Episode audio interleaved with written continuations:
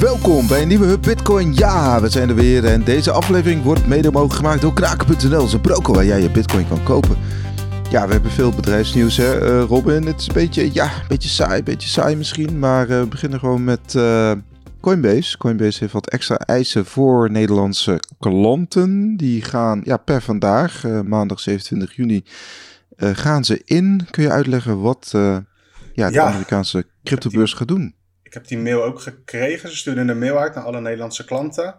Met daarin mhm. eigenlijk specifiek van, uh, dat er een aantal extra, extra eisen komen om transacties te sturen. Vanaf Coinbase naar een andere wallet buiten, het, buiten hun systeem om, zeg maar. En dan moet je dus denken aan uh, informatie over de ontvanger. Dus de naam en zelfs ook uh, de, de adresgegevens. Maar bijvoorbeeld ook, net als wat, dat is wel gebruikelijk hoor bij andere bedrijven ook al, dat je aan moet vinken waar je het voor gaat gebruiken. Bijvoorbeeld voor sparen, voor beleggen, dat soort dingen. Ik weet niet zeker oh hoe, hoe, erg daarnaar gekeken wordt, maar ze moeten er geloof ik naar vragen. Wat vul jij uh, altijd in? Overig. ja, als dat, er is, ja. ja, nee, maar Geen commentaar. Ja, precies. Zo min mogelijk commentaar in ieder geval, als je van die diensten gebruik wil maken. En zij geven dus aan dat dat komt door de Nederlandse richtlijnen. En het saillante daar bij Coinbase is ook dat zij bezig zijn met uh, het analyseren van transacties die al uit hun netwerk zijn gegaan. En daarna weer verder gaan. Dus stel jij haalt Bitcoin van Coinbase af. Dan is het mhm. niet dat daar het in de gaten houden stopt. Maar ze kijken ook wat er daarna weer met die fondsen gebeurt. En zij wijzen dan naar, uh, naar regelgeving in allerlei verschillende landen. Maar dit is gewoon een knap staaltje surveillance natuurlijk. En ja, ja Coinbase is gewoon een partij die met de regels meespeelt. Uh, in mijn optiek zoveel mogelijk. En uh, binnen de lijntjes probeert te kleuren. Een beetje daarbuiten waar het kan, met allerlei vage tokens en zo. En dit ga je meer zien. Nog steeds meer uh, controle over hoe en waar je je bitcoin naartoe stuurt. En in de praktijk ja, betekent het eigenlijk dat als je bijvoorbeeld geld van je, van je beurs afhaalt en je stuurt dat naar jezelf, dan heb je eigenlijk die gegevens al gedeeld meestal hè, met de beurs. Dus dat valt wel mee. Het is alleen, er komen steeds meer van die regeltjes en checklistjes bij, zodat je op termijn eigenlijk overal op verschillende lijstjes staat met allerlei verschillende gegevens. En het is één lek weg van uh, overal op internet staan. En dan sta je daar met al je specifieke gegevens over hoeveel bitcoin je hebt gekocht, op welk adres je toen woonde enzovoort, als je het naar uh, waarheid invult.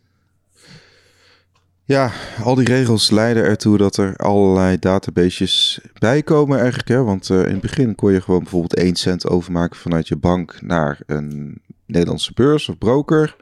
En dan was het op zich, dat was voldoende. Maar daarna kwamen allerlei regeltjes vanuit Europa bij. Terwijl op zich die bank heeft eigenlijk, hè, eh, als je een bankrekening opent in Nederland, moet je natuurlijk ook. Uh, nou, ik, ik, ik weet nog dat ik uh, echt. Uh, in de oude tijd moest je echt allerlei formulieren invullen. Nu gaat het allemaal digitaal natuurlijk. Maar. ja, nu checken ja, ze even je 3D-sleutel en dan kijken ze wat je allemaal. Dat is, die database is er ook al. dan kunnen ja. ze even kijken en dan is het goed. Ja, of ze koppelen het, ja, ik weet niet, ze koppelen het natuurlijk alweer aan de Belastingdienst of de ja. toeslagen. Ja, je zegt het nu wel, maar... maar, nu we er ook nog over nadenken, bijvoorbeeld zakelijk is het wel moeilijker als je met Bitcoin bezig bent om een bankrekening te krijgen. Dan kan je makkelijker bij een, uh, ja precies, dan kan je makkelijker bij een beurs of broker zitten. Als die het op die manier zou faciliteren. Uiteindelijk, uh, ja, hè, wij zitten zakelijk bij, bij Bunk. En uh, nou, uiteindelijk daar moesten we ook natuurlijk de nodige vragen beantwoorden. Want hè, we doen iets met bitcoin, et cetera. Maar uiteindelijk hebben we daar wel een rekening kunnen nou, krijgen. Het lijkt wel een beetje op uh, die checklist die Coinbase en zo aan het toevoegen is. Want inderdaad, ze vragen, je krijgt dan een hele lijst met vragen over uh, in welke branches je actief bent. En of je met bitcoin of crypto bezig bent. En wat je daar dan mee doet enzovoorts. En gelukkig zijn we bij Bunker erdoor gekomen. Je hebt ook, bedrijven, of ook banken gehad die zeiden van nou, doe maar even niet. Ja. Nou, de Rabobank heb ik ook aan de lijn gehad. En eh, ja, die medewerker die was zelf ook een bitcoiner. Maar hij schaamde zich ook voor het antwoord wat hij moest geven uh, aan mij.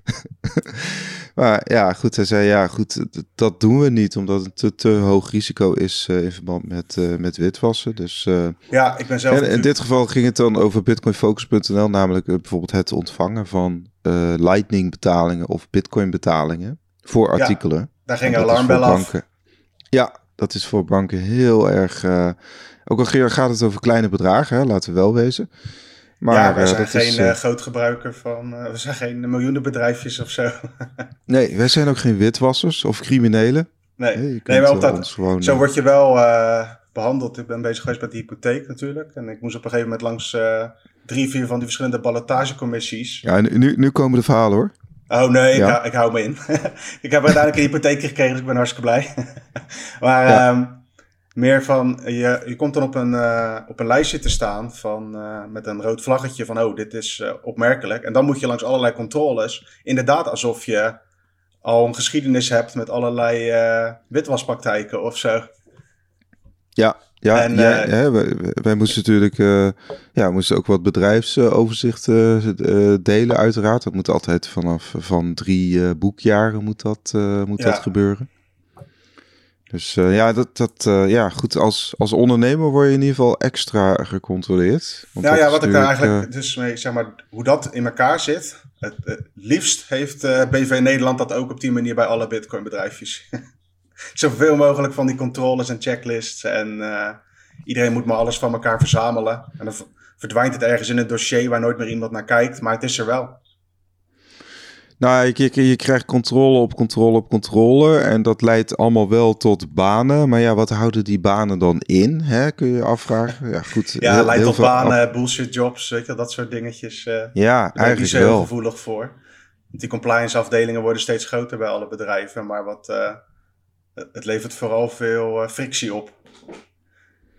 Nou Ja, ja, het levert een, er ook eh, wel gewoon op eh, dat ja. je als privépersoon, eh, als privépersoon, maar ook bijvoorbeeld als, als ondernemer, hè, als we ons zo zelf, ja, we zijn ondernemers, dan eh, ben je ook gewoon best wel veel met administratie bezig.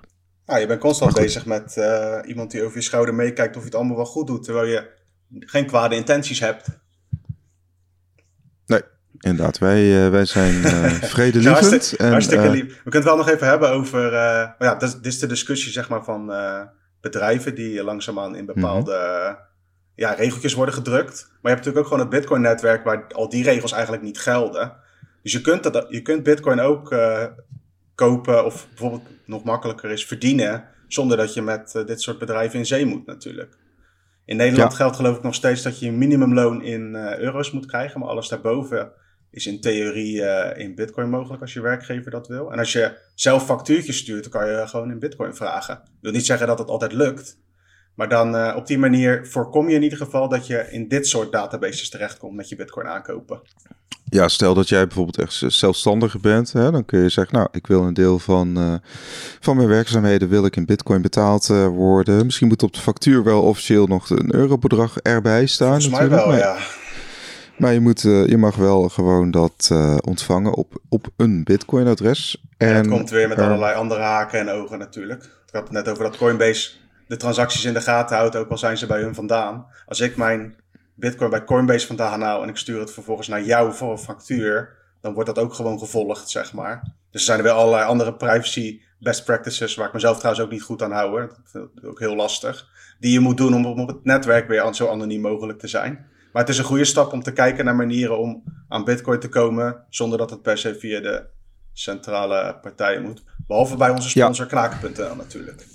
Nee, die hebben dezelfde Nou, ik- regels, even voor de duidelijkheid. Maar Ja, nou we hadden, eh, we hadden deze week ook weer een update vanuit Marnix. En eh, toen je zei van hey, je kunt ook Satoshis verdienen, toen dacht ik, toen moest ik toch wel even denken aan, hij had toch een app eh, gedeeld, dat heet de Fountain app. ja, Ik heb mezelf ook wel gedownload op eh, de Play Store en ik, ik moet nog een beetje uitvinden hoe die werkt, maar het is in ieder geval...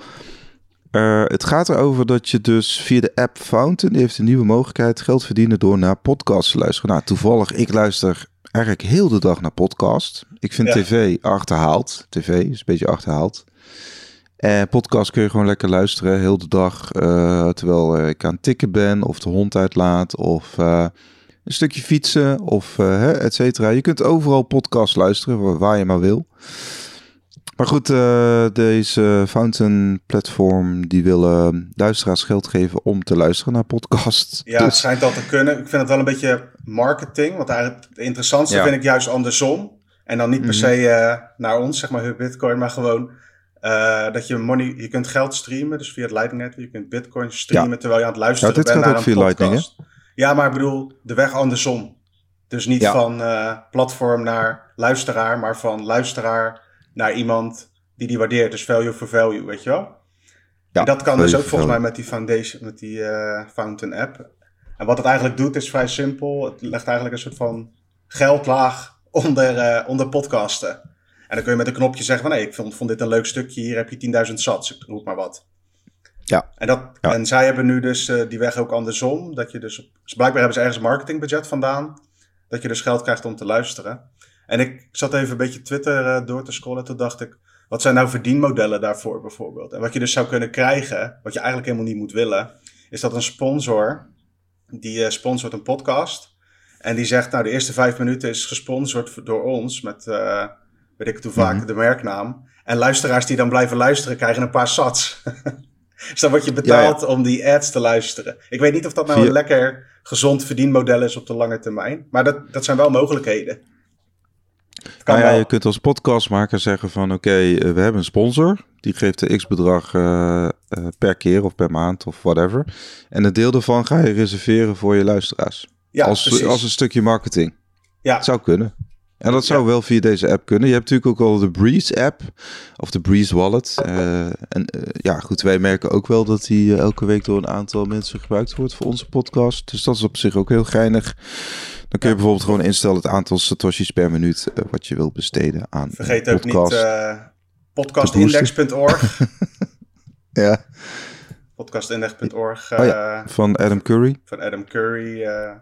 Eh een index daar kun je ook gewoon alle, allerlei podcasts vinden en eh, ook eh, apps voor downloaden, onder andere Breeze inderdaad, waarmee je dus daar eh, mee kunt doen aan de money streaming eh ding. Het is wel nog heel klein, maar het is vooral Ja. voor, voor mij altijd met dit soort dingen dat het werkt, het concept.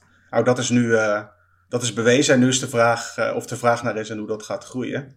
Maar het idee is heel vet toch, dat je dus podcast aan het Ja. luisteren bent. En het geeft ook een bepaalde feedback als jij een grote podcast, stel dat, stel dat Rogan dit zou doen. Dan kan hij heel Mhm. goed zien, niet dat hij daar per se heel erg mee bezig is misschien, dan kan hij heel goed zien welke momenten het meest gewaardeerd werden aan de hand van eh de Mhm. hoeveelheid sats die gestreamd worden. Dus Ja. je kunt daar best wel leuke dingetjes eh, mee. Go check it out, Nou, dus op verschillende Ja. apps. En in de Focus eh, update had Marnix eh, ja, is helemaal ingegaan op de update van LND. Dat is eigenlijk de belangrijkste uitgave, het belangrijkste softwarepakket voor Lightning. Meest En gebruikte dus, in ieder geval. Meest gebruikte inderdaad. En eh, ga naar bitcoinfocus.nl eh, en daar kun je dat lezen. Dit is, eh, dat is de vrijdageditie, die is gratis. We hebben ook dinsdag en donderdag. En dinsdagmorgen, eh we nemen dit op maandag op. Morgen is er ook een verhaal met Gigi. Dat is een Oostenrijkse Bitcoin-filosoof, zo zou ik hem wel misschien willen noemen. Mhm. En eh, nou, hij is heel bekend van eh, in, eh, onder andere dat value for value concept. Hè? Dus eigenlijk het. Je gooit iets, een, stuk, een stukje mooie content gooi je online. En dan kun je door middel van het Lightning-netwerk eigenlijk heel goed en makkelijk faciliteren om bijvoorbeeld donaties te ontvangen. Ja, het interessante daaraan is Dus dat het nu dus mogelijk is. Hè? Want met de euro heb je dat niet. We hebben heel handig ideal in Nederland, dus je kan best wel snel betalen. Maar dat kan niet met millicenten per minuut aan een of andere podcast. En dat is Nee. eigenlijk wat Bitcoin en Lightning, die combo, mogelijk Ja. maakt. Ja, het streamen van sats, hè? Dus echt het, het ja, dat, dat, dat kan gewoon niet in het, in het oude systeem. Dat Nee. is gewoon. En nu gaan Dat- we zien of daar vraag naar is. Maar in theorie, ja, je kan er, ik heb daar eh, een tijdje geleden ook wel eens over gehad. Je kan heel veel dingen erover bedenken. Je kan bijvoorbeeld ook zat streamen bij een taxirit als daar de juiste app voor is. Dat je via Ja. Uber worden gewoon die kilometers gemeten en real-time gaat dat, eh, wordt dat betaald. Of je dat moet willen is een tweede, maar die opties zijn er in ieder geval nu. Langzaam maar zeker. Ja. Nou ja, het zou bijvoorbeeld voor allerlei beroepen, hè? ook bijvoorbeeld het oudste beroep ter wereld zou het ook nog wel kunnen. Ja, nou eigenlijk ook. Ja, Eigenlijk iedereen, ook vooral waar veel kleine betalingen gedaan worden. Bijvoorbeeld zo'n Ja. eh, zo'n Uberritje van, een, van 10 euro. Nou, dan blijft dikke hoeveel bij, eh, bij Uber hangen. Dan blijft, dan blijft nog wat bij de betaalverwerker hangen. Hier en daar Ja. bij de banken nog wat. En dan uiteindelijk krijg jij een bedrag. Dat kan veel directer. Nou ja, je hebt allerlei sectoren. Bijvoorbeeld eh, boekenuitgeverij, weet je wel. Maar die... En je hebt bijvoorbeeld nu dat, eh, die bestseller van eh, Marcel van Roosmalen. Dat is het, het, het boek Totaal. Ja, En, maar naar verluid krijgt hij ongeveer 10% van, elke, van elk boek. Hè? Dat is een beetje de... Dus die 90% die gaat na die uitgeverij, of hè, die besteedt het wel aan marketing en allerlei andere dingen, maar en dat is een vergangbaar, en dat is echt 90%. Dat is best wel eh, een uh, Oh. hoge vier. Kijk, van Zoals, Apple weten we eh, bijvoorbeeld dat de 30, de 40% eh in de Apple Store, hè, als developer moet je 30 tot 40% afstaan. Ga je ook wel mee Apple akkoord natuurlijk. Google. Ik bedoel, dat is niet alleen de geldverwerking, daar zit ook allerlei andere platformonderhoud en gewoon winstbejag bij. Nee, oké, maar je zou ook kunnen zeggen: hey, ik heb een leuke app en ik ga het eh, verspreiden gewoon. En eh, ik krijg donaties via Lightning. Ja, dat kan. Maar wij, wij hebben met Focus ook gewoon een abonnementsdienst. Iedereen probeert op zijn eigen manier dat natuurlijk voor elkaar te krijgen uiteindelijk.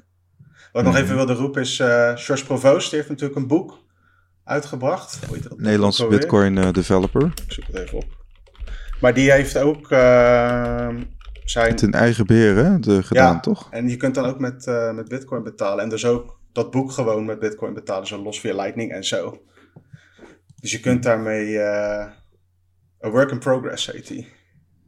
Oké. Bitcoin, a work in progress. Kan je ook op bol.com vinden, maar je kunt hem dus ook op zijn eigen website bestellen. Met allerlei snufjes dat het wat meer eh, loskomt van die eh, centrale partijen. Ja. Ja, dat, dat is mogelijk. Het is tegelijkertijd allemaal in de kinderfase, ontwikkelfase. Want het gaat niet om eh, miljoenen aan inkomsten die mensen kunnen genereren, die je wel kunt genereren met gewoon heel veel oude modellen. Nee, het is allemaal nog heel, heel, heel vroeg. Hè? We zitten ongeveer 4000 bitcoin zit nu in het Lightning netwerk. Is ongeveer 84 miljoen dollar. Ja, Ja, dat- is dat natuurlijk peanuts. Bekende kanalen en dat is heel flexibel. Maar inderdaad, het is peanuts.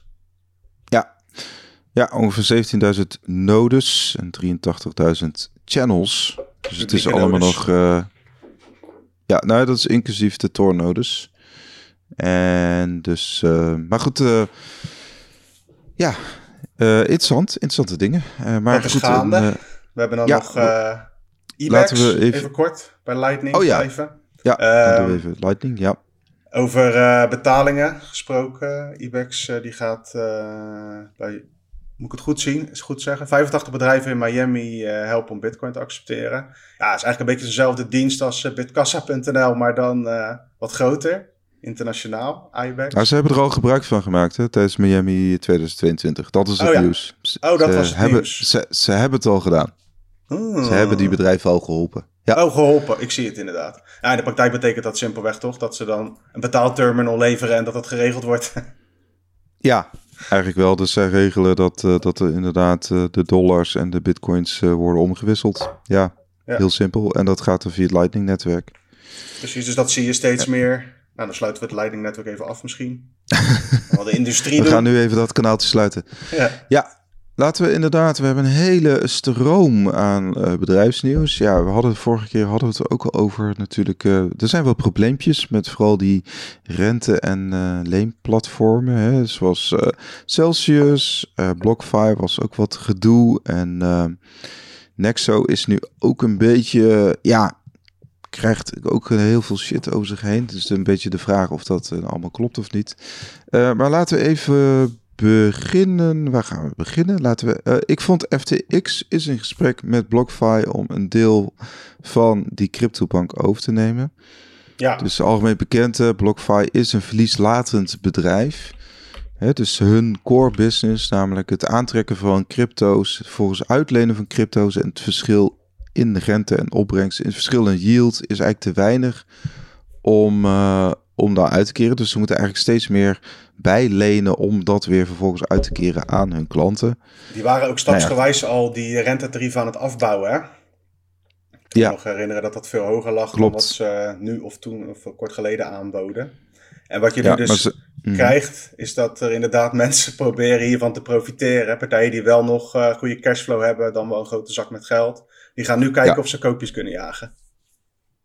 Ja, FTX is, eh, is natuurlijk een grote beurs. Ook in vrij korte tijd hè, zijn best wel groot geworden. Je hebt FTX eh, Global, dat zit volgens mij op de Seychelles of de Bahamas, een van die twee. Maar je hebt ook FTX US, die hebben ook een grote optiebeurs in eh, Amerika opgeslokt. Dat, dat is een volledig gereguleerde beurs, zeg maar, voor Amerika. En, nou ja, en we hebben die gozer, hoe heet die, die Sam Fried. Ja, die, Sam, nog wat. Je Bankman Fried. Ja, Bankman Fraud. Eh, nou ja, die organiseert ook allerlei congressen met, eh, met, eh, met Clinton en Blair. Ja, het is ook, eh, hij, is natuurlijk, hij was ook een force, wat, hij was toch ook een backer van Biden, toch? Of niet? Ja, hij had het over miljarden die hij wilde spenderen aan die campagne om hem op, in het zadel Ja. te houden daar. Ja, maar Ja, aan te geven ja. in welke hoek FTX zit.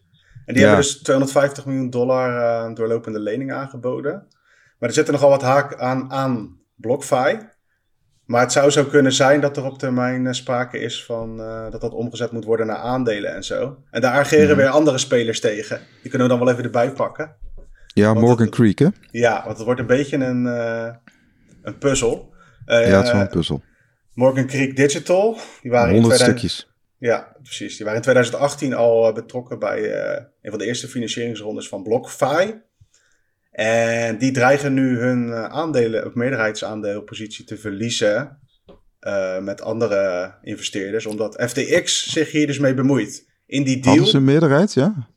Nee, niet in een eentje, maar als, zeg maar als FTX ehm, bepaalde clausules kan activeren, dan wordt FTX ineens een meerderheidsaandeelhouder en dus niet alle Oh ja. anderen samen. dus zij zijn nu aan het kijken of zij ook die 250 miljoen op kunnen halen bij eh, verschillende investeerders. Dat blijkt althans uit een, moet ik het goed zeggen, een gelekt gesprek met aandeelhouders van directeur Mark Yusko. Dat meldde Coin, meldt Coindesk.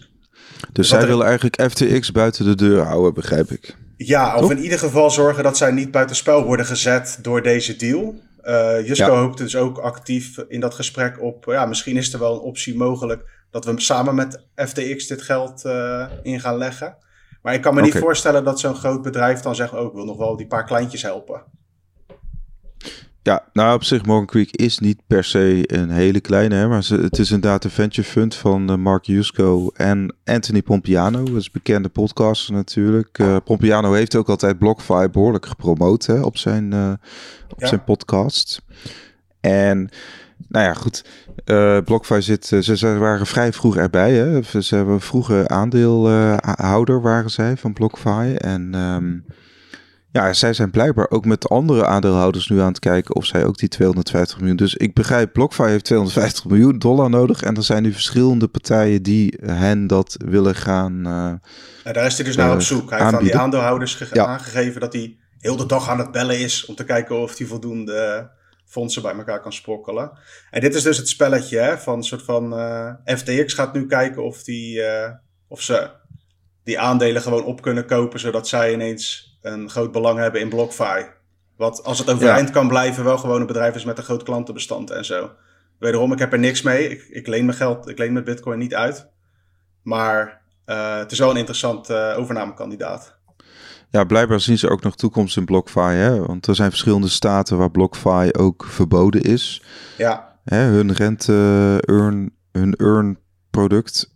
En, ja dat is niet zo ja, gek hoor. Want eh, bij, voor mij ligt dat bij BlockFi tegenwoordig wel een stuk lager. Maar die eh, gasten als Nexo, die bieden nog steeds 18% aan op sommige crypto holdings. Rente per jaar. Ja, dat kan niet. nee. Ik bedoel, in deze markt kan dat sowieso niet. We, zitten gewoon in een bear market. En we zitten behoorlijk in een bear market, inderdaad. Als we de technische indicatoren mogen geloven. Veel angst in de markt. Ook crypto eh Fear Ja. and Greed Index staat ook op 12. Ik kan mijn ogen ook gewoon geloven hoor. Als ik gewoon even het grafiekje erbij pak. zie je Ja. heel duidelijk dat het sentiment eh, even wat minder is. Maar goed, deze partijen die speculeren ook gewoon behoorlijk op de toekomst natuurlijk. Dat, eh, Ja, hè, dat ze toch nog die 250 miljoen willen ze ergens vandaan gaan trekken om, om BlockFi te redden. En dat, eh, dat zegt Ja. ook wel wat. En eh, kijk, ik geloof niet in liefdadigheid vanuit zulke grote miljardenbedrijven. Maar er is natuurlijk ook gewoon een kwestie van. het is ook niet goed voor de industrie als geheel als zo'n BlockFi ook weer opklapt. Daar heeft FTX ook last van. Ja, en misschien denken ze toch van, hé, hey, eh, al die klanten van BlockFi, dat, dat is ook wel wat waard natuurlijk. Dat snap ik ook wel.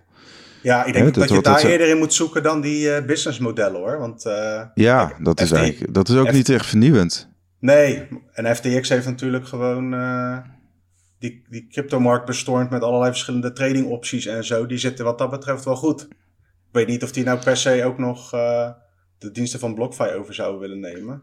Maar ja, al die Ja. Eh, miljoenen Ja, klanten die ze zouden klanten- hebben gehad en dat soort zaken, dat is ook geld waard.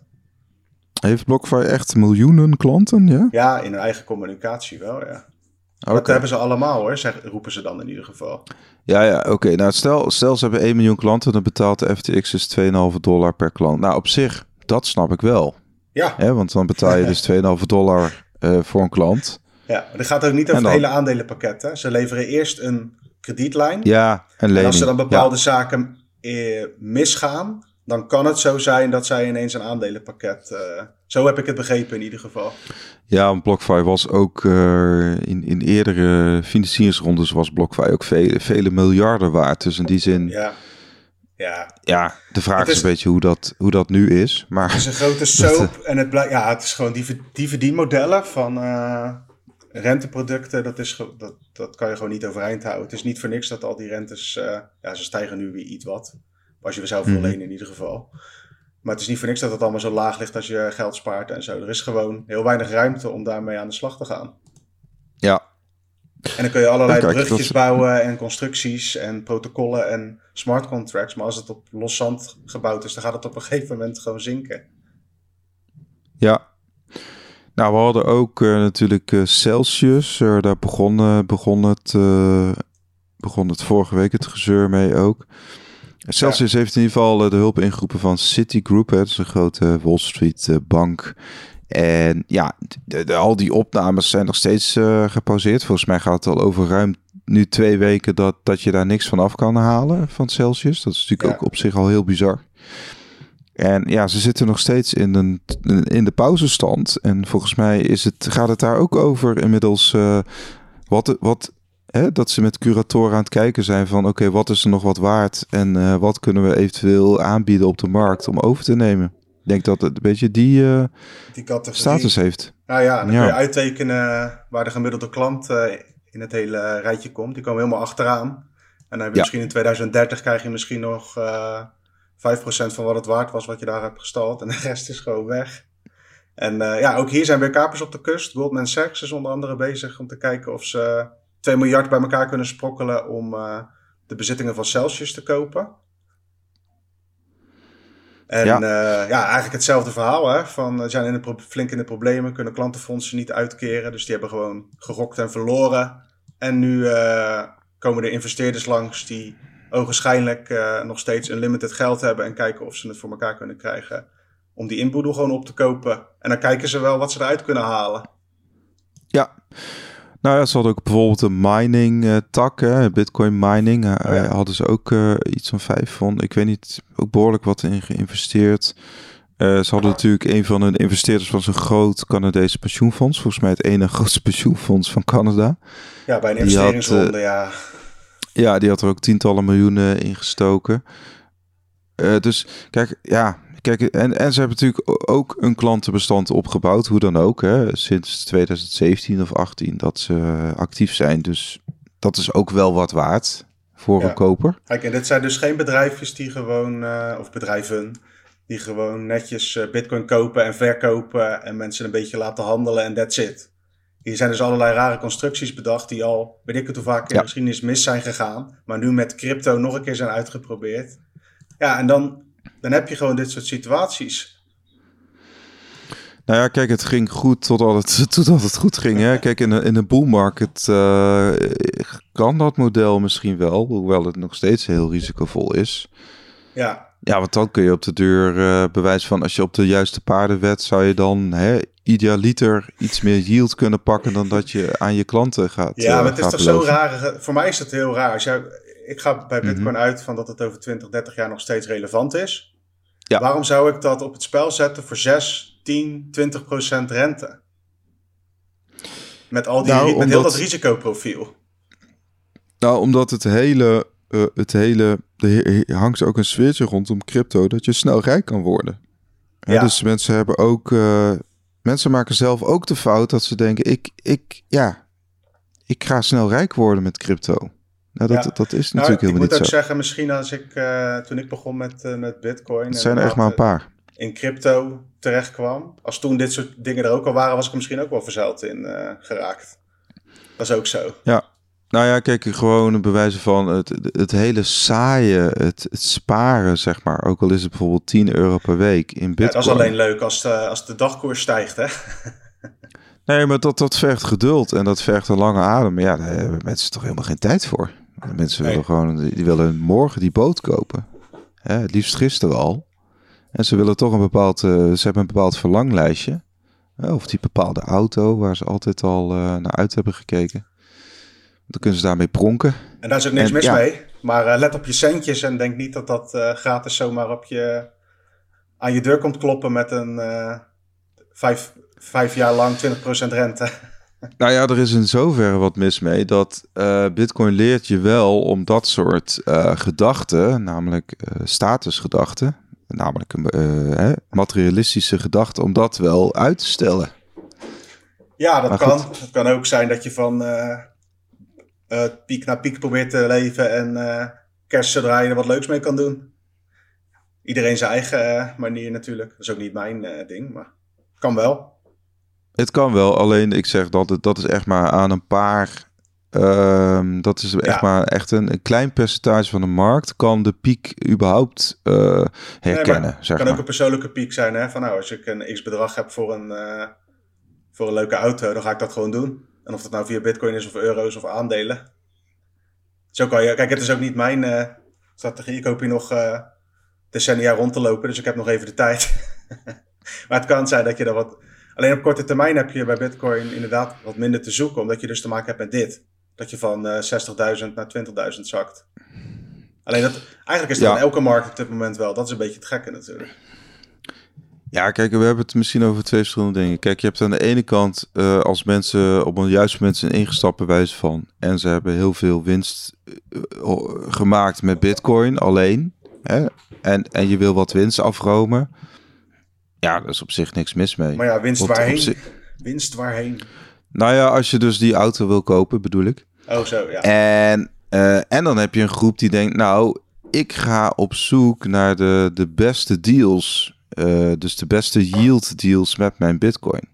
Hè? En, en ik probeer zo ook nog wat extra te verdienen op, ja. op al een stijgende bitcoin koers. Ja, en dan loop je wel extra risico. Yep. Dus ja.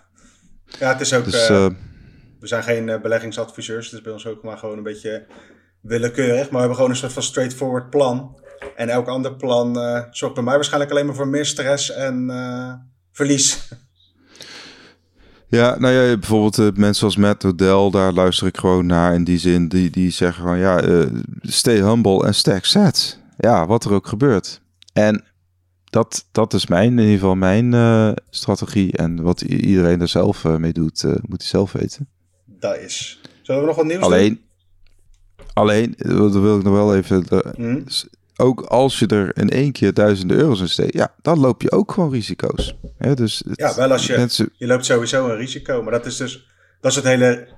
Alle investeringen, of je nou euro's laat staan op je bankrekening of bitcoin koopt of uh, whatever. Alles heeft een risicoprofiel. Yep. Of een risicoprofiel. uh, Bitpanda hadden we nog wat uh, oh, ja. over. Uit uh, Oostenrijk komt dat bedrijf. Uh, die zijn, hebben een licentie ontvangen in Spanje. Nou, dat is voor hun positief nieuws. Tegelijkertijd kondigen ze wel veel ontslagen aan. Het gaat waarschijnlijk om honderden ontslagen. En de reden, net als bij alle andere bedrijven, is de markt is wat minder. En ze gaan meer specialiseren, zeg maar. Keuzes maken. Ja. Ja, hoort erbij. Zagen we ook bij ja, Coinbase, uh, Gemini, uh, BlockFi. en die moeten ook, Crypto.com, die moeten ook allemaal gaan snijden. We hadden net ook nog Nexo, die we misschien even, even kort kunnen bespreken. Je hebt er net ook een berichtje over getikt. Hè? Nexo overweegt juridische stappen tegen een anonieme twitteraar. Ja. Het Bitcoin-bedrijf wordt beschuldigd van het stelen van donaties van goede doelen. Aan goede doelen. Dus ja, dat, ja, is, dat, is een, uh, dat, is een, dat is dus ook een, een, een rentebedrijf die nog wel open is voor opnames en zo. Voorlopig. Ja. En uh, ja, die worden onder vuur genomen door uh, verschillende anonieme Twitter-accounts. Otteroo met uh, vier O's. En ze hebben eigenlijk in twee blogposts. Eén blogpost een cease and desist order. Van joh, stop ermee en sluiten dat account en de andere weerleggingen van zijn beweringen. het gaat onder. En het spelletje is dus: er is dus een Bitcoin-bedrijf die onder vuur ligt. En er zijn anonieme Twitteraars die het een en het ander beweren. Ja, ga er maar aan staan. Ja. Terwijl opmerkelijk verhaal. Ik, ik wilde ook niet te veel aandacht aan besteden aan die kant. Van wat het nou precies inhoudt. Maar wat wel interessant is, is dat zij er dus wel echt op ingaan. Het is natuurlijk een markt nu die vrij onrustig is. Ik kan me voorstellen dat een bedrijf die nog steeds 18% rente biedt op sommige crypto holdings. Ehm, wel bij gebaat is dat er nog enige stroom van inkomsten is. Dus als zij een slechte naam krijgen of er ontstaat paniek door dit soort kleine dingetjes, dan uh, komen zij ook in de problemen. Al dan niet terecht trouwens. ja, nou, eh, ook een partij met 4 miljoen klanten. En naar verluid hebben ze 12 miljard aan crypto assets onder beheer. Dus ja, naar eigen zeggen inderdaad. En het is, uh, ja, dat is ook weer bizar, hè? Als, eh, als, uh, ja, het, zijn, het gaat echt om miljarden dollars uh, die, die, die je dus gewoon stuurt naar, naar een partij die je maar moet vertrouwen. Ja. ja, zo zit de wereld in elkaar. Tot Bitcoin.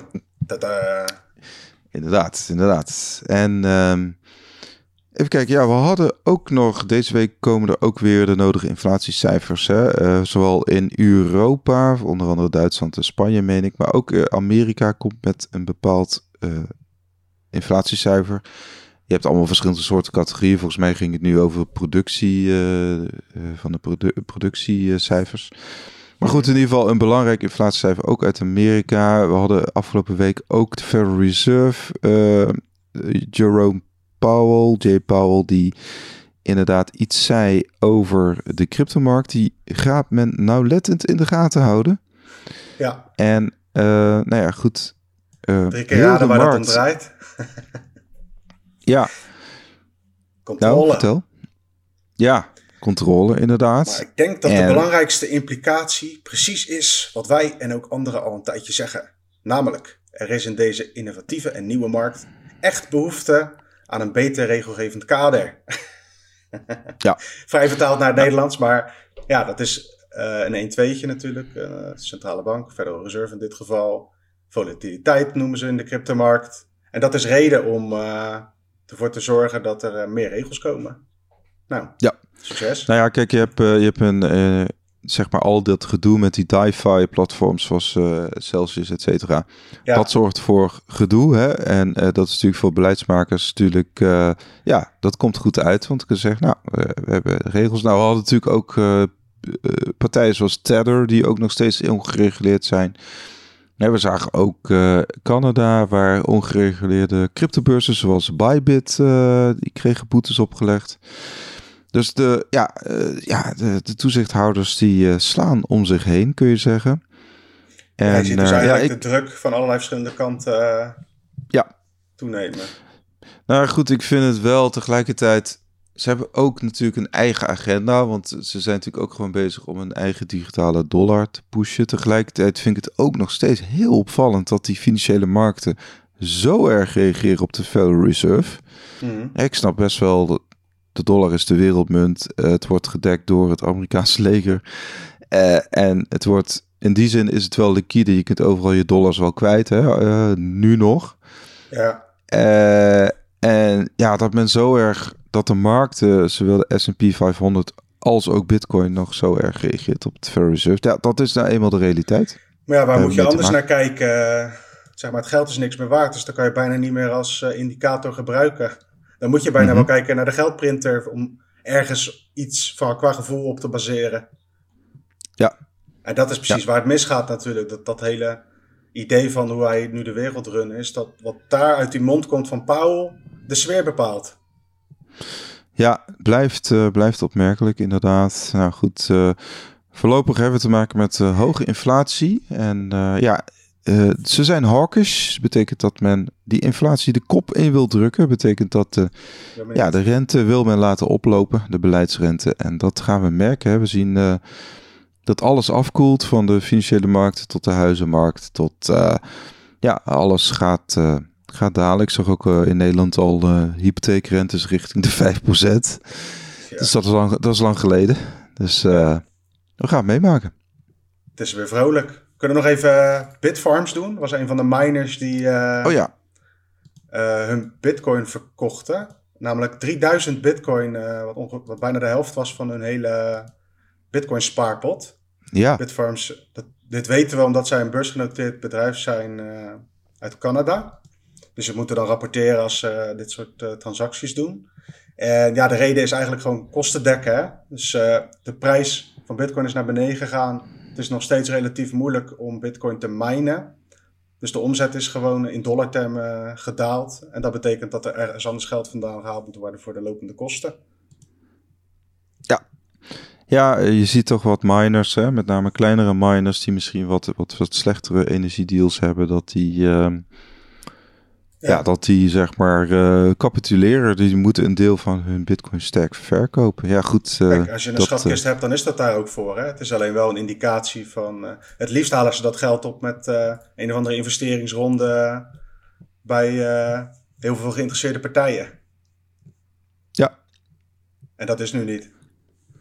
Nee, inderdaad. Nou ja, goed. Uh, het, in die zin, het voordeel van die beursgenoteerde bedrijven is dat je het dus gewoon kan volgen. Hè? Uh, voordeel tussen aanhalingstekens. Zij... Het is voor ons leuk, maar het, ja, ik weet niet. Het liefst heb je dat uh, Bitcoin miners ook nog wat meer, minder hoeven prijs te geven misschien.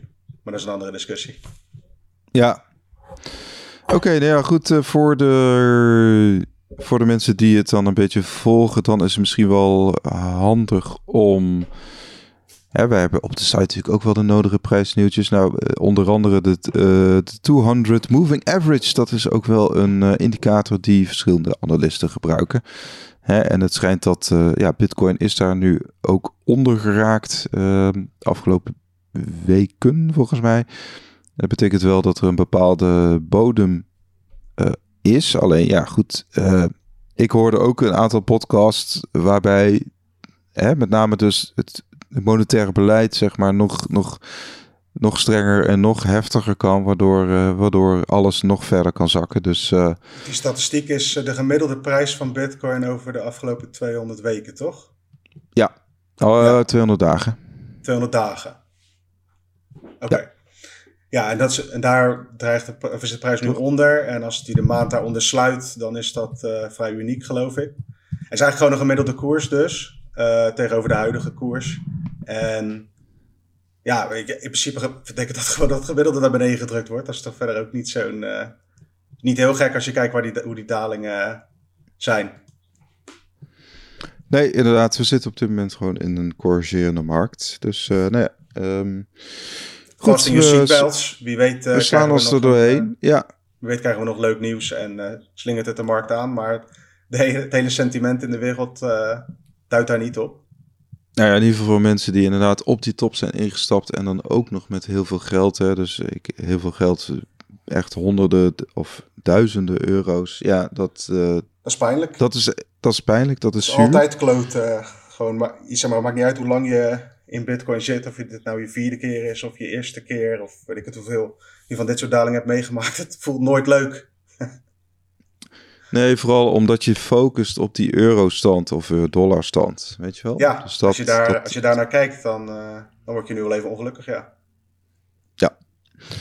Nou, nog even volhouden, zou ik zeggen, toch? Hoort erbij, hè? En, en uh, je volgt het laatste nieuws op bitcoinmagazine.nl. Vergeet uh, Bitcoin niet te volgen in je podcast-app.